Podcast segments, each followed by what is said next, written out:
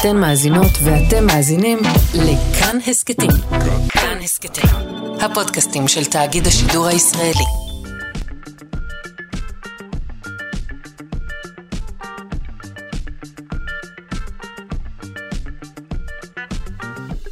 שלושה שיודעים. שלום, שלום, בוקר טוב למאזיננו. שלושה שיודעים, כאן בכאן תרבות, 104.9 או 105.3 FM. היום, יום רביעי, מה שאומר שאת שעתנו השנייה נקדיש לשיחה אחת ארוכה אה, וממצה, פחות או יותר. היום אה, נארח כאן את הדוקטור גיא שטיבל מהחוג לארכיאולוגיה ותרבויות המזרח הקדום באוניברסיטת תל אביב, אה, ונשוחח איתו על דמותו של החייל הרומי. על צבא רומא צפויה להיות שיחה מרתקת. זה יקרה בשעה השנייה. בשעה הראשונה נדבר על uh, מין פולש uh, חדש של uh, סרטן שמגיע לנחלי ארצנו, ולא רק הנחלים, למקורות מים שונים. Uh, תהיה כאן גם uh, פינת הקיימות ופינת השירה, ועוד ועוד. העורך רז חסון, המפיקה טל ניסן, על הביצוע הטכני אלון מקלר, אני שרון קנטור, אם אינכם יכולים להאזין כעת, אנא הצטרפו אלינו לשידור החוזר בשעה שמונה בערב, או האזינו לנו בצורה של הסכת. זה קל, נעים ונוח. בואו נתחיל.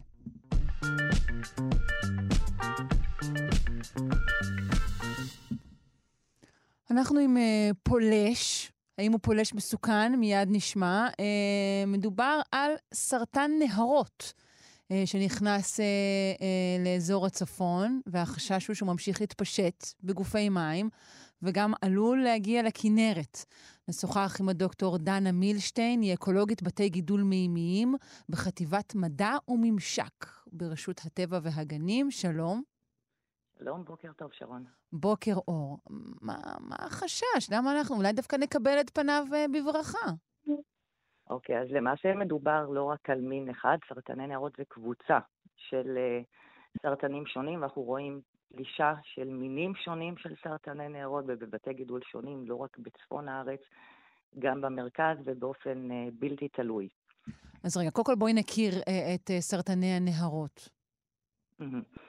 אז אנחנו מדברים על סרטנים, בדרך כלל לא מה שאנחנו חושבים uh, קטנטנים, הם דומים uh, לקרייפישים, בדרך כלל מה שמוכר סרטנים שיכולים להגיע גם לגודל של 20 ו-30 סנטימטר אפילו, שזה מין של סרטן שפלש לפני מספר שנים בנחל הירקון. הסרטנים האלה נסחרים, מוחזקים בארץ באופן בלתי חוקי. כלומר, כך הם הגיעו? הם הגיעו לכאן אה, על, על ידי אה, סחר? אנשים שרצו לגדל אותם בבית? אה, כן, בעבר היה, הם חלק מהמינים יובאו באופן חוקי, ואנחנו מדברים לפני הרבה מאוד שנים, זה היה מותר על ידי משרד החקלאות. היום סחר, החזקה בסרטנים האלה הוא אסור לרוב, אנשים מחזיקים אותם בבית באקווריומים. ואז כשנמאס להם? הם מאוד אטרקטיביים, כשהם גדלים או כשהם מתרבים. אני משערת שמסיבות שאנשים חומלים על האורגניזמים האלה, הם לא רוצים לפגוע בהם, הם משחררים אותם. אם זה לבתי גידול מימיים מלאכותיים או טבעיים, וככה אנחנו מוצאים אותם באופן בלתי תלוי, ובאמת מינים שונים, בבריכות נוי, באתרים מלאכותיים, במאגרים וגם בנחלים, באתרים טבעיים. אוקיי, okay, ואז אני חוזרת לשאלתי הראשונה, מה, מה מדאיג פה? אז מה שמדאיג שהמינים האלה בהרבה מאוד מקרים ידועים כמהנדסי סביבה. יש להם השפעה מאוד מאוד גדולה, ואחת הדוגמאות הוא סרטן ביצות אדום. זה סרטן שאנחנו רואים אותו גם יותר ויותר באתרים בארץ. אז למשל ידוע על המין הזה שהוא גורם להשפעה מאוד גדולה על חברת הצומח, הצמחים שמזדקרים בבית הגידול, משום שהוא אוכל חומר צמחי. ואז אותם אזורים של צומח בגדות של נחלים למשל, זה אתרי מחיה של בעלי חיים שונים, זה אתרי רבייה. ידוע שהוא גם uh, גורם לפגיעה באוכלוסיות של בעלי חיים, דוגמת uh, דו-חיים, ובארץ מרבית המינים של הדו-חיים נמצאים בסכנת הכחדה. הוא פוגע בחברות הדגים. אחת מהבעיות המרכזיות של המין הזה הוא גם שהוא חופר מחילות, ובעצם זה הוא גורם להרחפה של חול. בחול, בסדימנט, בקרקע יש חומרי הזנה, כמו חנקן וזרחן, מה שגורם בסופו של דבר להתפתחות אה, מסיבית של אצות, או שאנחנו קוראים לה פריחת אצות. אחת מהאצות האלה, או מהקבוצות, נקראת ציאנו-בקטריה, ויש הרבה מאוד עדויות בעולם שאותה ציאנה בקטריה מתפתחת בבתי גידול כאלה, שאליהם פלש הסרטן, ובעצם חלק מהמינים של הציאנובקטריה יודעים לייצר רעלים. אגב, הסרטן הזה גם יודע לצבור, הוא פחות רגיש אליהם, לצבור את הרעלים, וכך אם מישהו טורף אותו, הרעלים האלה הולכים ומצטברים במארג המזון. כלומר, הסכנה בסרטן כזה, נניח שהיום הוא פולש אה, לכנרת, הוא פגיעה מערכתית בתפקוד המערכת האקולוגית של הכנרת ובכל השימושים שלנו במערכת הזאת. ההשפעה שלו כל כך דרמטית שהוא נחשב מהנדס סביבה. כלומר, לא רק משפיע על מינים מסוימים, אלא על תפקוד בית הגידול כולו. ושוב, את טוענת שכל הריבוי הזה הוא תולדה של סרטנים שגודלו על ידי אנשים פרטיים? רוב המינים שאנחנו רואים היום בטבע, הרוב לא רק, אבל הרוב, כן, זה אנשים שחררו כנראה. אם מדובר על מין שהפוטנציאל שלו לבסס אוכלוסיות לאחר שזורקים אותו לסביבה, הוא מאוד מאוד גדול. המינים האלה קודם כל מתאפיינים בכך שהם עמידים מאוד למגוון רחב של תנאים סביבתיים, אם זה מליחות, אפילו למים מעט מזוהמים, לטווח גדול מאוד של מליחויות. עצם העובדה שהוא, צורת, צורת ההאזנה שלו, הוא אוכל קול, אבל הוא גם מאוד אדפטיבי, הוא יכול להסתגל למקורות מזון שונים, ולבסוף יש לו גם פוטנציאל רבייה מאוד מאוד גדול. סברי את אוזנינו במספרים. אז למשל, אותו סרטן נהרות אדום שהזכרנו, הוא יכול להגיע לבגרות מינית תוך חודשים ספורים, שלוש, ארבע, חמישה חודשים. הוא מתחיל להתרבות שהוא באורך של שישה סנטימטר, באורך של עשרה סנטימטר הוא מייצר 500 ביצים. בעצם זו אסטרטגיית הרבייה שלו, הוא חי לא הרבה מאוד שנים, אבל הם מגיעים מהר מאוד לגיל אה, רבייה ומייצרים כמות גדולה מאוד של ביצים. הם גם שומרים על הצאצאים, הנקבה נושאת את הביצים עליה, וכך הם מגנים עליהם, מבטיחים שאחוז גדול יותר מהצאצאים שלהם ישרדו ויגיעו לגיל רבייה. מה מצב האוכלוסייה שלהם כרגע בישראל? כלומר, מתי גיליתם אותם לראשונה ואיפה זה עומד עכשיו? אז אנחנו מגלים כל הזמן עוד ועוד ועוד uh, מקומות. Uh, למשל, היה בזמנו, uh, לא זוכרת בדיוק את השנה, לומר עכשיו, אבל בחדרה, אני חושבת שבשנת 2008, במחצבה נטושה, שפלש אותו סרטן נהרות אדום, זה המקום היחיד בארץ שהצלחנו למגר את הסרטן הזה. באותו מקום כאשר סגרו, כיסו את המחצבה הזו בחו"ל. מאז, בשנת 2015, פלש סרטן אחר, או זיהינו כבר שקיימת אוכלוסייה גדולה של סרטן אחר בנחל הירקון. רק בתקופה האחרונה אנחנו רואים עלייה דרמטית במספר האיתורים. יש עכשיו פלישה של מין נוסף, אותו סרטן, לנחל אה, בצת. מצאנו פלישה של מין אחר בנחל שיח וכן הלאה וכן הלאה, ואנחנו מוצאים אותם למשל גם בבריכות נוי, כמו שיש אה, בכניסה לקניונים, או עכשיו אה, נראה איזשהו דיווח אה, מאגם הסופרלנד בראשון לציון, אני יכולה לספר שהיינו שם אתמול וניסינו למצוא, עדיין לא מצאנו שם פרטים, אבל כמובן שאנחנו... מה, בכל מיני כזה מזרקות נוי מתחת לבתי הייטק אנחנו יכולים פתאום למצוא את הסרטן הזה? כן, כן, אנשים זורקים גם לשם, ואם יש גוף מים רדוד, אני אגיד לך יותר מכך, המינים האלה, חלק מהמינים האלה יש להם גם יכולת לנדוד. הם לא מוגבלים לבית הגידול, והזכרים בעונת הרבייה יכולים לצאת ולנדוד אפילו קילומטרים רבים. מה, ב, על... ב, לא, ביבשה ככה להסתובב? לא. או דרך הביוב. איך? לא, לא, על פני השטח. אם יש לילה, והלילה זה טמפרטורות יחסית אה, גבוהות ומזג אוויר גשום ויש הרבה מאוד לחות באוויר, הפרטים האלה יודעים לצאת, וככה הם מאכלסים אתרים נוספים. הפתעות צפויות לנו. אה, אמר, אמרת שהצלחתם למגר את זה באיזו נקודה. באתר אחד. אה, המילה מיגור, מה עומד מאחוריה? מה אתם עושים? המיגור היא בעצם אה, להדביר את האוכלוסייה. לרוב הדברה של המין הזה לאחר שהוא פלש לבית גידול מסוים, היא, אני אזהר ואומר, היא כמעט בלתי אפשרית. והמשמעויות שלה על בית הגידול הן מרחיקות לכת. כי תפיסה של הפרטים, אנחנו אף פעם לא נצליח לתפוס כמות מספקת של פרטים, משום שקצב הרבייה שלהם הוא מאוד מאוד מאוד גדול, הלא. וכל הזמן יש ייצור של פרטים נוספים לאוכלוסייה. בעולם מדברים על שימוש ברעלים שונים, אבל אין אף פלורל אחד שהוא סלקטיבי לסרטנים הללו. ולכן שימוש ברעלים משמעותו להרעיל את בית הגידול כולו, דבר שלא היינו רוצים לעשות. אז אחרי שהמין הזה פלש, היכולת להדביר אותו מאוד מאוד קטנה, בדרך כלל בעולם, אם מצליחים, זה רק באזורים שמאוד מוגבלים בגודל שלהם, שאוכלוסייה עדיין מאוד מאוד קטנה בשלבים ראשונים של ההתבססות, ולכן הדרך הטובה ביותר למנוע, או נאמר אה, לעצור את הדבר הזה, זה למנוע. זה לעצור ולא לפזר אותם אה, בטבע. אה, למרות שאמרת שנקבה באורך של 10-12 סנטימטרים, די, כבר יש לה 500, אה, אה, מייצרת 500 אה, ביצים. נכון, לכן אני אומרת, אנשים שמגדלים את הדברים הללו, שמחזיקים אותם בבית ומעשו בהם, לא לשחרר אותם לטבע.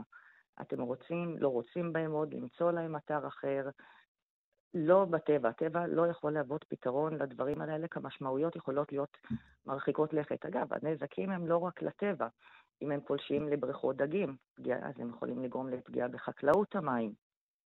כן. אה, אולי עם הזמן נגלה אבל גם יתרונות שלהם. לפעמים למינים פולשים יש גם יתרונות. אולי. מעט מאוד אה, יתרונות. בדרך כלל הנזקים עולים על התועלות.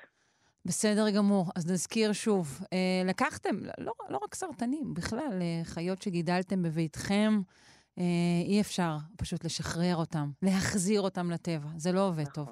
דוקטור דנה מילשטיין, אקולוגית בתי גידול מימיים בחטיבת מדע וממשק ברשות הטבע והגנים, תודה רבה. תודה לך, המשך נעים.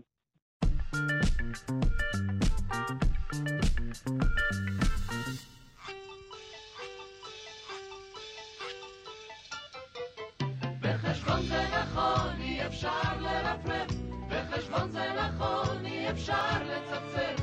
בחשבון זה נכון, אי אפשר לזייף, אך מי אמר שבחשבון אי אפשר לקיים? פינת המתמטיקה עם מיכאל גורודיני, מכון דוידסון, הזרוע החינוכית של מכון ויצמן למדע. שלום, שלום. שלום, שלום. אנחנו מציינים היום יום הולדת לאדם מושמץ. אה, כן, כן, לא רק אה, הוא מושמץ בשירה, נכתב שיר שלם שמוציא את אה, דיבתו. שיר שמוציא את דיבתו. אתה יודע מה? בוא נשמע את השיר, ואז אה, אה, נשוחח וגם, וגם נגן על שמו הטוב, נכון? כן, כן, נגן בהחלט. בבקשה. Who made me the genius I am today? The mathematician that others all quote? Who's the professor that made me that way? The greatest that ever got chalk on his coat. One man deserves the credit, one man deserves the blame, and Nikolai Ivanovich Lobachevsky is his name. Hi, Nikolai Ivanovich Lobachevsky. I am never forget the day I first meet the great Lobachevsky. In one word, he told me the secret of success in mathematics. Plagiarize. Plagiarize. Let no one else's work evade your eyes. Remember why the good Lord made your eyes, so don't shade your eyes, but plagiarize, plagiarize, plagiarize. Only be sure always to call it, please, research. And ever since I meet this man, my life is not the same. And Nikolai Ivanovich Lobachevsky is his name. Hi, Nikolai Ivanovich Lobachevsky. I am never forget the day I'm given first original paper to write. It was on analytic and algebraic topology of local Euclidean metrization of infinitely differentiable Riemannian manifold. Боже мой! This I know from nothing. What I'm going to do. I think of great Lobachevsky and I get the idea. Ha ha! I have a friend in Minsk who has a friend in Pinsk. טוב, אנחנו ממש, אנחנו לא יכולים להאזין לכל ההשמצה האיומה הזו. לובצ'בסקי מואשם כאן אה, בגניבה, אפשר לומר. בפלגיאט, כן. פלגיאט. נסביר למי שלא הצליחו אה, אה, לעקוב אחרי השיר. זה שיר של תום לרר, שהוא זמר ופזמאי ומתמטיקאי, אגב, שיר משנות ה... מזמן, מזמן, בשנות החמישים של המאה הקודמת. והוא אה, מאשים בשיר הזה את אה, ניקולאי איבנוביץ' אה, לובצ'בסקי בפלגיאט, בכך שהסוד, ככה הוא אומר בשיר, היה לו מורה שלימד אותו את הסוד להצלחה. במחקר מתמטי, והסוד הוא לגנוב. לגנוב ולא להצהיר על כך שגנבת, כמובן, כן. שלקחת את המחקר שלך עם מישהו אחר. וזה, אה, אה, והשיר הזה הוא פשוט אה, הוצאת דיבה אחת גדולה. גם תום לרר בעצמו, אגב, אמר בצורה מאוד מאוד ברורה שהוא לא מתכוון לרמוז שלובצ'בסקי באמת גנב משהו, משהו. הוא לא מתכוון לרמוז, הוא פשוט אומר זאת במפורש וגם כן. שר את זה בלחן עליז. אז זהו, הוא אומר שהוא בחר את השם שלו בעיקר בגלל שיקולים של מצלול, שזה יתיישב לו יפה על, ה, על, ה, על המנגינה, והשם היה משעשע. כן, האדם הראשון שאמר שהשם ניקולה איבנוביץ' לובצ'בסקי יושב לו טוב על המנגינה, בסדר, שם מאוד אוקיי. יפה, מתגלגל שם מאוד יפה. על הלשון, קצר, אהה. קולע, קליט. אה, אבל כן, אה, אה, בצורה משעשעת, אה, יש דווקא איזשהו סיפור אה, שקצת קשור בהאשמות של אה, גניבה קלה, אה, שקשור ל- ל- ללובצ'בסקי, שהיה מתמטיקאי. אה, אה, והוא אה, אה, גילה, אה, וכתב בספרו על אה, גיאומטריה לא אוקלידית, גיאומטריה שלא עובדת כמו שאנחנו רגילים, של גיאומטריה שבה קווים מקבילים אה, לא תמיד אה, לא נפגשים, ולפעמים אה, יש המון קווים מקבילים, ולפעמים אין בכלל קווים מקבילים, גיאומטריה שעובדת אחרת מהגיאומטריה שאנחנו אה, מכירים.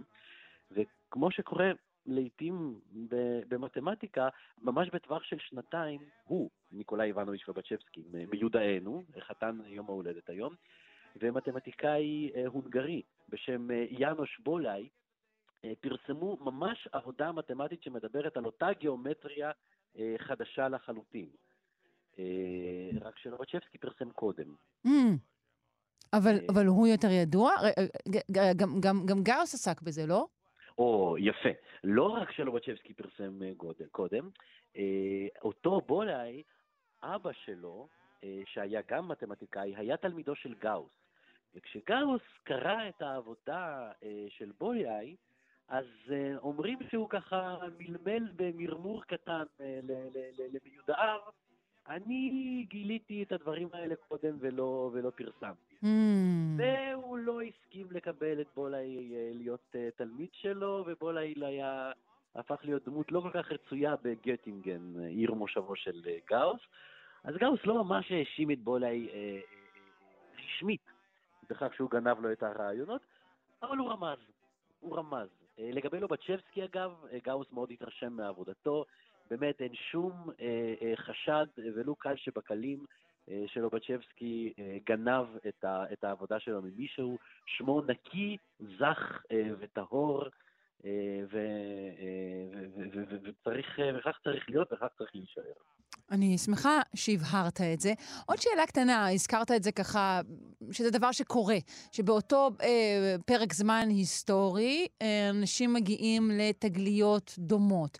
עכשיו שוב, פה זה, זה, זה מתמטיקה. זה לא אה, דברים, אתה יודע, שפתאום התגלה חומר או משהו כזה, או טכנולוגיה השתנתה. זה משהו אחר. איך אתה מסביר את זה? אז אה, במתמטיקה הרבה פעמים יש סוג של אה, מקבילה לבשלות טכנולוגית. הרבה פעמים כדי לפתח איזשהו רעיון מתמטי, רעיונות מתמטיים לא צצים מעצמם, הם מתבססים על רעיונות מתמטיים אחרים. אנחנו כולנו מכירים את זה מלימודי, המתמטיקה שלנו. כל כן. כיתה, אם פספסנו משהו בשיעור השבוע, אז תהיה לנו בעיה בשבוע הבא. אה, ככה גם בעבוד, הרבה פעמים בעבודה של, של מתמטיקאים.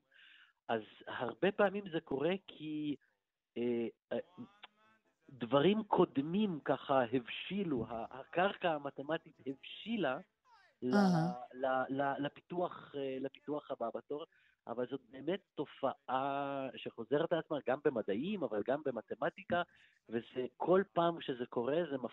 זה, זה, זה באמת מפתיע. אני לא, לא מתיימר לספק כאן איזשהו הסבר אה, אתה נחרץ. יודע מה אני בטוחה? שיש נוסחה מתמטית לזה. לפרק הזמן, לא יודעת מה, כפול המרחק, what- משהו, משהו יש אה, ל- ל- לתגלית אה, חדשה מהזמן של תגלית קודמת. אני מטילה על אה, כתפיך את הניסוח שלה. אני, אני, אני אבדוק את הנושא. מה שבטוח זה גורם, גורם עד היום עוגמת נפש רבה ל, ל, ל, למתמטיקאים שבאים לפרסם משהו ו... איי, איי, איי. חודש, חודשיים לפניהם מישהו בירחון אה, מתמטי ממש פרסם בדיוק את העבודה שהם עבדו עליה. חיים נהרסים ככה. כן, כן, זה יכול להיות אה, חדשות מאוד, אה, מאוד לא נעימות לקבל. כן, לפעמים זה עבודות של עשרות שנים. אז טוב, טיהרנו את שמו של לובצ'בסקי וגם שמענו שיר נחמד. אני מודה לך מאוד, מיכאל גורדין, ממכון דוידסון, הזרוע החינוכית של מכון ויצמן למדע. בשמחה. אנחנו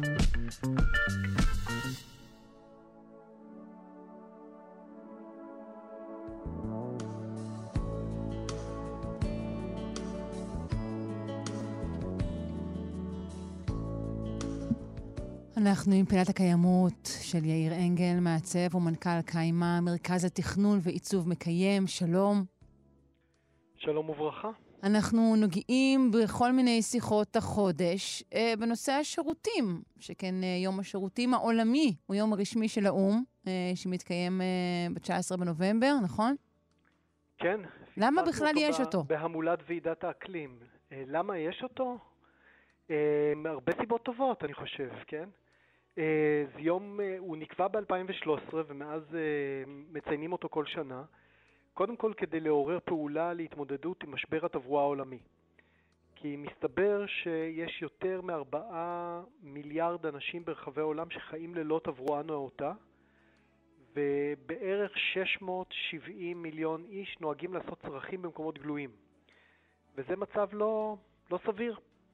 עכשיו, אה, בעקבות ועידת האקלים אה, הזכרנו פה הרבה פעמים ונמשיך את, אה, את אה, 17 יעדי הפיתוח המקיים של האו"ם, ה-SDGs, Sustainable Development Goals, שכל המדינות והחברות באו"ם מחויבות אליהם, כולל ישראל כמובן, ויעד מספר 6, מכובד, לפיתוח בר קיימא של האו"ם, נועד להבטיח זמינות וניהול בר קיימא של מים ותברואה לכולם. וכאמור, אנחנו רחוקים ממימוש של היעד הזה.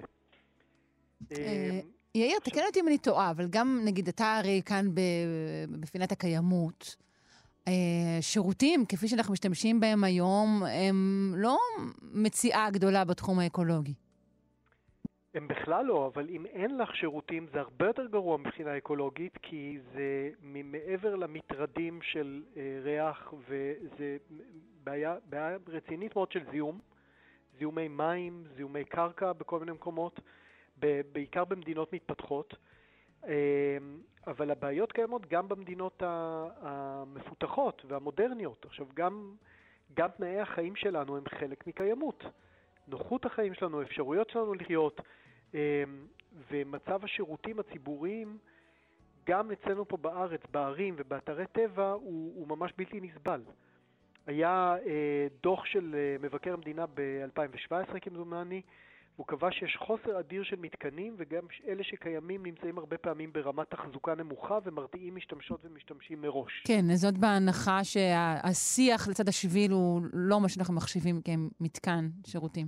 בהחלט לא, וכמובן שיש נטייה לשכוח קבוצות שנפגעות במיוחד מהמצב, נשים, אה, יותר מסובך, ובייחוד נשים בהיריון, קשישים, תיירים, שוטרים, נהגים, שליחים, הרבה מאוד אנשים שנמצאים הרבה שעות בחוץ ואין להם גישה לשירותים.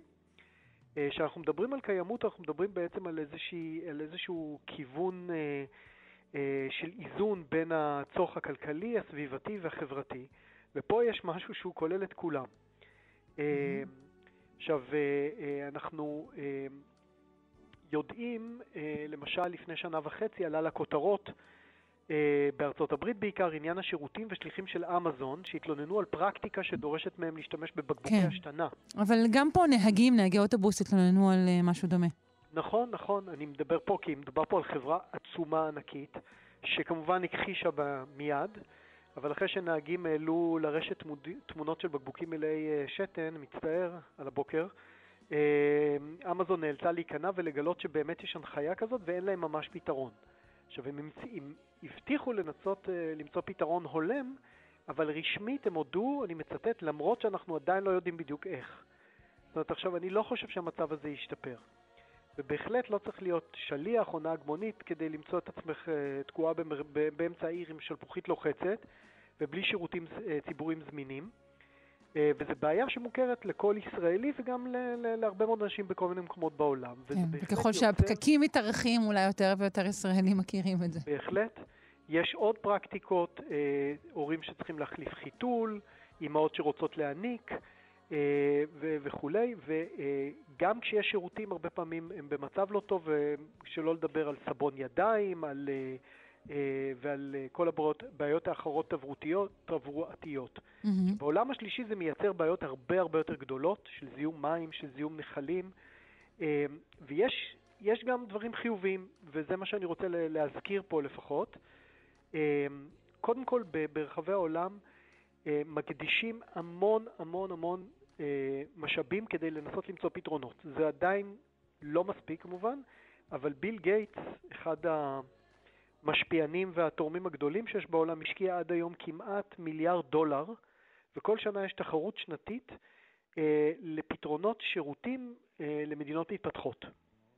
וחלק מהפתרונות האלה מאוד מעניינים כי הם משלבים אה, בעצם את, אה, מה, מהצרכים שלנו אפשר גם לייצר חומרי גלם ואנרגיה, אה, ביוגז, וגם אפשר להשתמש כדי לתפעל אותם או באנרגיה שנוצרת מהצרכים או באנרגיה סולארית, ואז אפשר ליצור שירותים אוטונומיים שמאפשרים גישה נוחה, מניעת מחלות, מניעת זיהום, וגם ייצור אנרגיה ואפילו הכנסה כספית למי שיש לו, אה, שמי, מי שמקבל בעלות על השירותים האלה, אה, וזה מאוד... מה זה שירותים אוטונומיים? זה אומר שהם לא מחוברים לרשת המים, כי הרבה פעמים אין רשת מים, הם לא מחוברים לרשת החשמל, כי אין רשת חשמל. והם פשוט אה, מחוברים למערכת שמייצרת ביוגז ויש עליהם אה, תאים אה, סולאריים שהם מופעלים ממערכת שממחזרת את המים ומחזירה אותם. כלומר, אנשים יהיו אחראים לטיפול בעצם בשפכים שלהם עצמם. נכון, זו מערכת אוטומטית שמייצרת את הטיפול בזה, ויש שם הרבה, כל שנה מגישים עוד ועוד אה, אה, פתרונות חדשים ופיילוטים כאלה מתחילים בכל מיני מקומות בעולם. אה, זה מאוד מעניין וזה עובד כמעט עצמאית לגמרי. וזה מייצר גם עבודה אה, לאוכלוסייה המקומית שמקבלת בעלות אה, כמו מין סרוויס כזה של שירותים, ואז הם גם דואגים לשימוש הזה ומרוויחים את הכסף שאפשר מהביוגז שהשירותים האלה מייצרים. אה, דוגמה נוספת אה, זה חברת הום ביוגז, חברה ישראלית כן. שמייצרת אה, קומפוסטרים שהופכים פסולת אורגנית אה, לגז.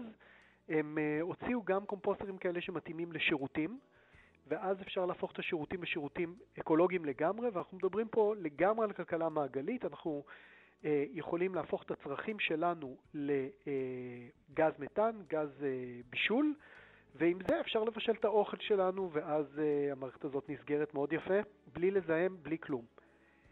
השאלה תמיד לגבי דברים כאלה היא המוכנות התרבותית, הנפשית הכללית של האוכלוסייה אה, לעמוד, אה, לעמוד נכוחה מול שפכים שלהם עצמם. אה, זה לא כל כך נכוחה, כי הרבה פעמים זה פשוט מערכת סגורה לגמרי ולא רואים אותה, ודרך אגב, הכותרת של השנה, של יום השירותים העולמי, היא בעצם המוסתר והגלוי, כי כן, חלק מהמערכות האלה יכולות להיות קבורות מתחת לקרקע, לאגור גז ולשחרר אותו לפי צורך, לבישול או לחימום, mm-hmm. וכן אפשר לעשות את זה. אמ, אבל אנחנו לא רואים עדיין, סליחה שקטעת אותך, אנחנו כן. לא רואים עדיין, אה, שוב, מדינות או גופים גדולים מאמצים פתרונות כאלה. כלומר, כל מה שסיפרת עליו זה פתרונות שמישהו יכול לשים על המערכת שלו, להחליף את המערכת שלו, או שוב, בעולם שלישי, לקבל איזושהי מערכת סגורה. לא, בעולם השלישי זה נכנס מאוד מאוד חזק. יש מקומות שלמים שנכנסו אלפי אה, שירותים ציבוריים כאלה, שמתוחזקים על ידי האוכלוסייה המקומית, בהדרכה כמובן. אה, רוב הכסף הזה מגיע מהשקעות חיצוניות, אבל uh, המטרה היא באמת. ליצור טיפול ושינוי במים, באזור, בחלקים התברואתיים שלהם. בעולם המתפת... המפותח יותר קשה להכניס פתרונות כאלה, והרבה פעמים דווקא מכניסים פתרונות חדשניים. יש למשל בהולנד, יש אה, חברה שמייצרת רשת שלמה של שירותים ציבוריים אוטומטיים, זה מעין משתנות לגברים בלבד בעצם כרגע, וזה נראה ממש אה, כמו איזה science fiction. זה מין קפסולות גדולות ללא דלתות שהן יורדות לתוך הקרקע במשך היום ומתרוממות למדרכה בשעות הלילה בש... באזור של פאבים ומסעדות. uh, כדי שיהיה אפשרי שאנשים פשוט לא, לא זה, זה, זה מעין משתנות לשיכורים? כן, ממש. משתנות לשיכורים, כדי שאנשים לא ייכנסו לכניסות של בתים וכולי. מעריכה את ההכרה בצורך של האוכלוסייה הזו, יפה. אה, לא רק שיכורים, אבל בכלל אנשים, כן. עוד פעם, כאילו... בליינים. אנשים יוצאים לבלות, אוקיי. תיירים, תיירים זו כן. בעיה מאוד ידועה, ועם כל הכבוד למקדונלדס, על אה, אה, אספקת השירותים הציבוריים לציבור הרחב, זה לא אמורה להיות האפשרות היחידה שלנו. אה, אז השירותים האלה, אתה אומר, צצים על פני האדמה במהלך הלילה? כן, פשוט אה, קופצים איזה מין pop-up שירותים כאלה, יש מערכות אחרות אה, כאלה אוטומטיות שנשארות קבוע בחוץ, יש בצרפת הרבה מאוד שירותים כאלה, זה שירותים אוטומטיים, אתם אה, נכנסים, שמים מטבע שפותח את הדלת, וברגע שיוצאים הדלת נסגרת והשירותים מנקים את עצמם. יש כאלה, אני חושב, גם בישראל כמה שהגיעו לפיילוט. ויש עוד פתרונות שהם פתרונות, סוג של פתרונות חברתיים עם ה, עם- סביבתיים עם, ה, עם המצאי הקיים. בברלין למשל, אה, העירייה משלמת לעסקים אה, קטנים שיפתחו את חדרי השירותים שלהם באפליקציה לאנשים שמעוניינים להשתמש בחדרי השירותים שלהם, הם מקבלים על זה כסף מהעירייה. העירייה חוסכת לעצמה את כל הטרדות שמסביב, ובעצם אה, אה, נותנת הכנסה אה, צידית אה, לעסקים מקומיים. זה נשמע מצוין. שימוש בקיים. ושימוש בקיים זה ממש ממש טוב, אה, והיום עם הכניסה והשימוש הגובר של אפליקציות, אני חושב שייכנסו יותר ויותר שימושים כאלה, אה, כמו שהם עושים בחנייה ובאוכל, אז צריך לעשות את זה גם בשירותים, ואני חושב שזה ישפר את המצב. וכמובן, השירותים הקלאסיים הציבוריים בצורה, אם הם יתוחזקו בצורה טובה, אנחנו נמצא פחות ופחות אנשים עושים את הצרכים שלהם בחוץ. ואני חושב שזה מאוד מאוד חשוב לטפל בזה ולא לא, לא לשכוח בזה, למרות כל חוסר הנעימות שבעניין הזה. נכון, מה שאמרת מהאפליקציות, אבל יכול להידרדר לכלל אובריזציה של שירותים, שגם אנשים פרטיים פשוט, חבר'ה, תעלו, רחוב הרצל, קומה שנייה, רק צריך להשאיר עשרה שקלים ואפשר להשתמש. אני בעד. אתה בעד אני זה? בעד, כן, אני, אני אני, אני שזה לא בעד uh, השכרה או החרה של, של כל דבר בחיים שלנו. זו, זה י- יעבור למ- למסחור כולל. אני נגד.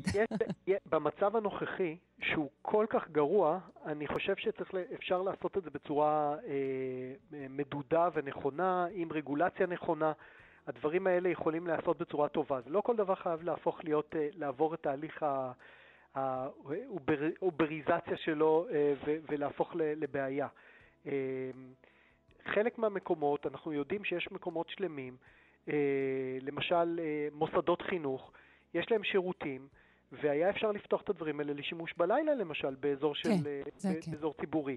אה, אז כן, יש פה איזשהו סוג של הכנסה, יכול להיות, למוסד החינוכי הזה, וזה כולל תחזוקה נאותה וכולי. אז צריך אה, לעשות את זה כמובן בצורה מאוד מאוד ברורה ומדודה, ובשביל זה צריך הרבה יצירתיות, ופחות אה, להישען על, ה... על הצורך הזה שאנחנו חושבים שיפתרו לנו את הבעיות. הם כנראה לא ייפתרו, כי הבעיה הזאת איתנו כבר שנים, והאוכלוסייה רק גדלה וגדלה. יפה. יאיר אנגל, אה, מעצב ומנכ"ל קיימה, מרכז התכנון ועיצוב מקיים. מסכם אולי סדרה של שיחות שערכנו כאן סביב יום השירותים העולמי. תודה רבה. תודה רבה.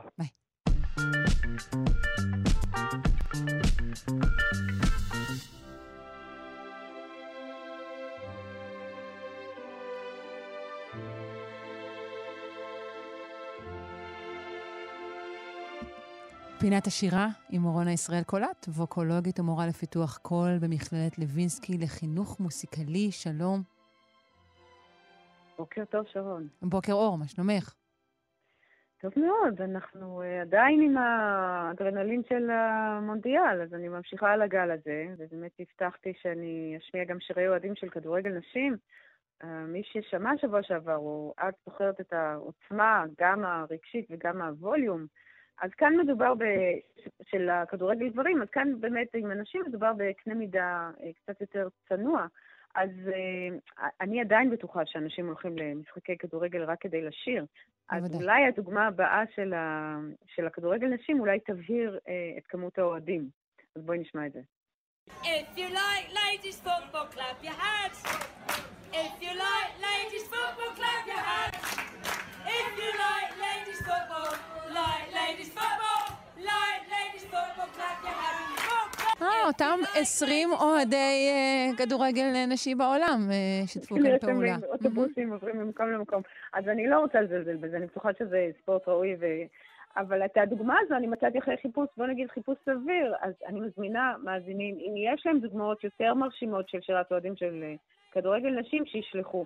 אבל אם זו באמת הדוגמה הטיפוסית, אז זה פשוט מאשש את התיאוריה שלי, ששירה בעוצמה אופראית במגרשים, היא תעלה את מספר אוהדים. הם צריכים כנראה לשיר יותר חזק, האוהדים צריכים לשיר יותר חזק, ואז יגיעו יותר אוהדים. בוודאי, זו זהו. סדר הדברים, רונה. עמדת עליו.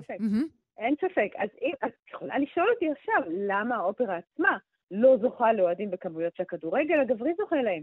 אז בגלל זה ברור שבגלל שבכדורגל הקהל הוא אקטיבי, והוא זה ששר בעוצמה, אבל באופרה אתה, אתה רק נהנה, או אם לא, אני מקווה שכן, זה תלוי בביצוע. אם מישהו אחר מנפיק את העוצמות האלה, אה, ואתה רק אה, נהנה מהם בצורה פסיבית, שזה גם סוג של הנאה, אבל כנראה שלא משתווה בעוצמה של אה, להיות אקטיבי גם. אבל יש שילובים, ונשמע אותם בהמשך, אבל יש קשר ברור בין אופרה לכדורגל, והוא לא רק בעוצמות של הרגשות והדרמה והווליום, אבל יש גם טענה שהשילוב בין אופרה לכדורגל הוא למעשה נוצר כדי ללקוט את הדימוי של המשחק.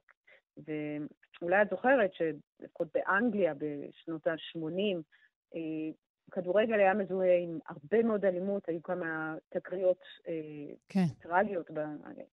אנשים פשוט שילמו, אה, החוליגנים או האלימות גבתה פשוט אה, קורבנות בנפש. וזה היה מזוהה עם מעמד חברתי נמוך ועם, בוא נגיד, אה, בידור או ספורט שהוא אה, אה, לא ראוי. אז אולי זה מכוון, או אולי אה, הברקה, אבל לקראת ההכנות של למונדיאל 1990, שדרן BBC בשם פיליפ ברני עשה את השילוב המבריק, והוא שידר את הגול של אה, השחקן האיטלקי מרקו טרדלי נגד אה, גרמניה במונדיאל 1982, על רקע אריה נסון דורמה בביצוע של לוצ'אנו פברוטי. אז בואו נשמע את האריה.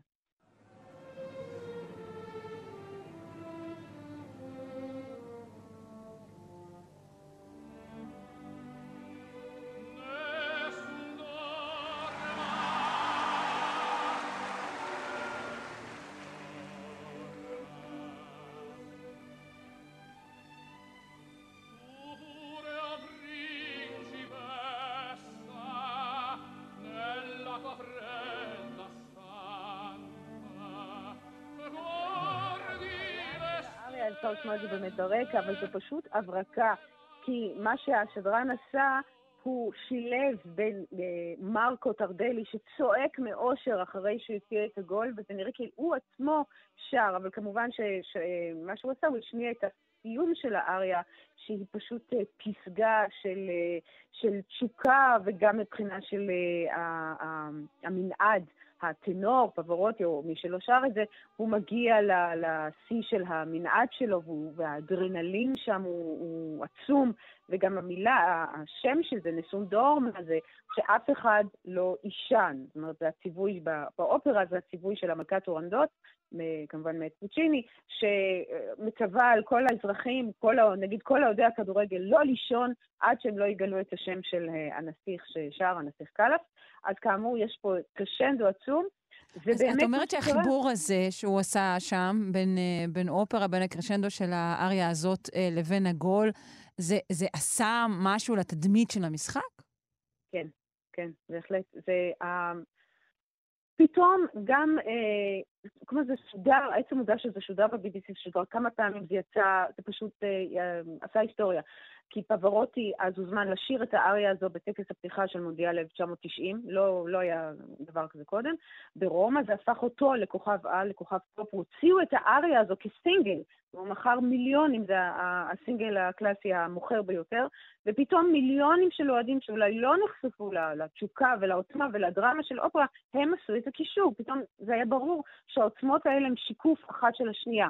זאת אומרת, הבידור האליטיסטי של המד העליון והענין, הוא פתאום הפך להיות אה, משקף או גשר עם בידור, הבידור של האומנים. הם פשוט שידרו על אותו תדר, זאת אומרת, קלט את אותו תדר של, אה, של האוהדים. ואז פשוט, מאז אין פשוט טורניר שלא נפתח עם זמר אופרה, ששר ב, ב, בעוצמה הזו בדרך כלל את האריה הזו, בגלל שהיא כל כך כביכול, כל כך אה, ברורה, שהוא צועק בסוף, אה, שר כמובן, שר וינצ'רו, אני אנצח. אז בואי נשמע את אנדריאה בוצ'לי, אה, גם טנור ידוע מ-2016, עם 70 אלף אנשים כאוהדים, כמקהלה, באיצטדיון קינג פאוור לסטר, הם כאילו המקהלה המקורית. בואי נשמע.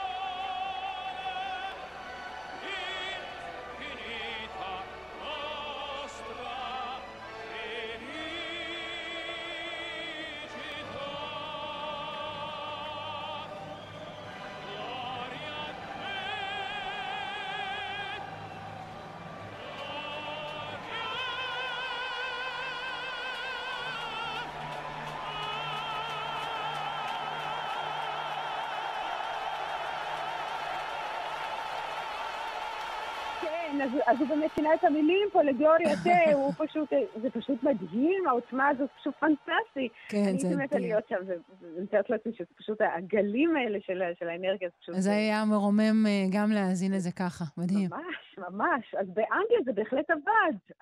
זה שילוב של גורמים, אבל אין ספק שפברוטי והשילוב הזה של האופרה, הכדורגל באמת הפך להיות אה, יחסית אה, גם מוסדר והרבה יותר לגיטימי, יותר בידור לכל המשפחה ומכל מעמדות החברה. זאת אומרת, זה, השילוב הזה היה פשוט שילוב גאוני. אולי צריך לאמץ את השילוב הזה גם בארץ. אה, אפשר לארגן, אני מוכנה לארגן מקהלה של אוהדים, בואי נלך למגרש ונארגן שם את, ננתב את האנרגיות למוזיקה. וואו, באמת, וואו, מעולה. כן, יאללה, נעשה את זה. אז באמת לאופרה יש אפקט על הכדורגל, השאלה אם זה דו-צדדי. האם כדורגל יכול להפוך אופרה לקצת יותר פופולרית. אז uh, יש תשובה מלפני חודש, תשובה טריה, ובחודש שעבר הייתה פרמיירה עולמית לאופרת כדורגל, אני חושבת שראשונה מסוגה. היא נקראת Gods of the Game, והיא הועלתה בבית האופרה גריינג' פארק במחוז סארי באנגליה, והיא שודרה גם בטלוויזיה, זה אה, הוזמן על ידי ערוץ סקאי, והלחין את זה, אה, חמישה מלחינים הלחינו את זה, זה שילוב של שירי אוהדים מוכרים, מה ששמענו בשבוע שעבר, אריות מוכרות וגם מוזיקה מקורית, ויש שם גם סיפור עם פיצולים אופראיים, הרבה דרמה.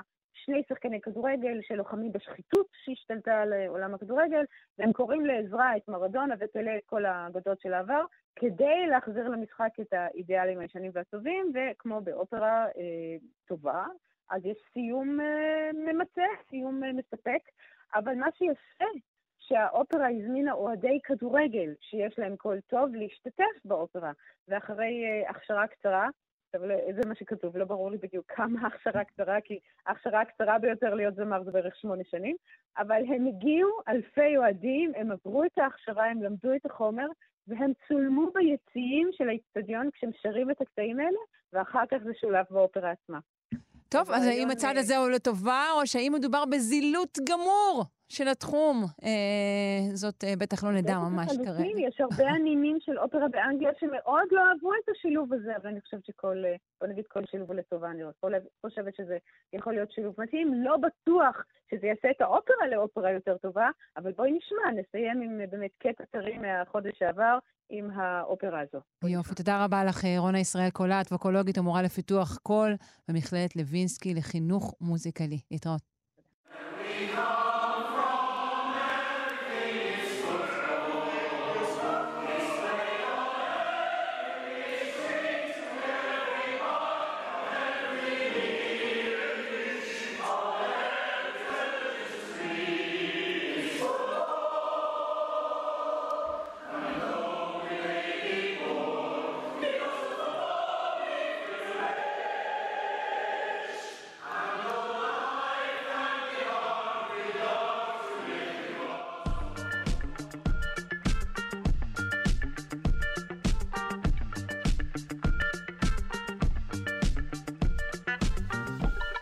כאן השעה הראשונה שלנו, שלושה שיודעים. את השעה השנייה נקדיש כולה אה, לשיחה על הצבא הרומי. כמראה למרקם החיים החברתי בתקופת האימפריה הרומית. את השיחה הזו נערוך עם הדוקטור גיא שטיבל מהחוג לארכיאולוגיה ותרבויות המזרח הקדום באוניברסיטת תל אביב. אז אל תלכו לשום מקום, מחכים לכם אחרי החדשות.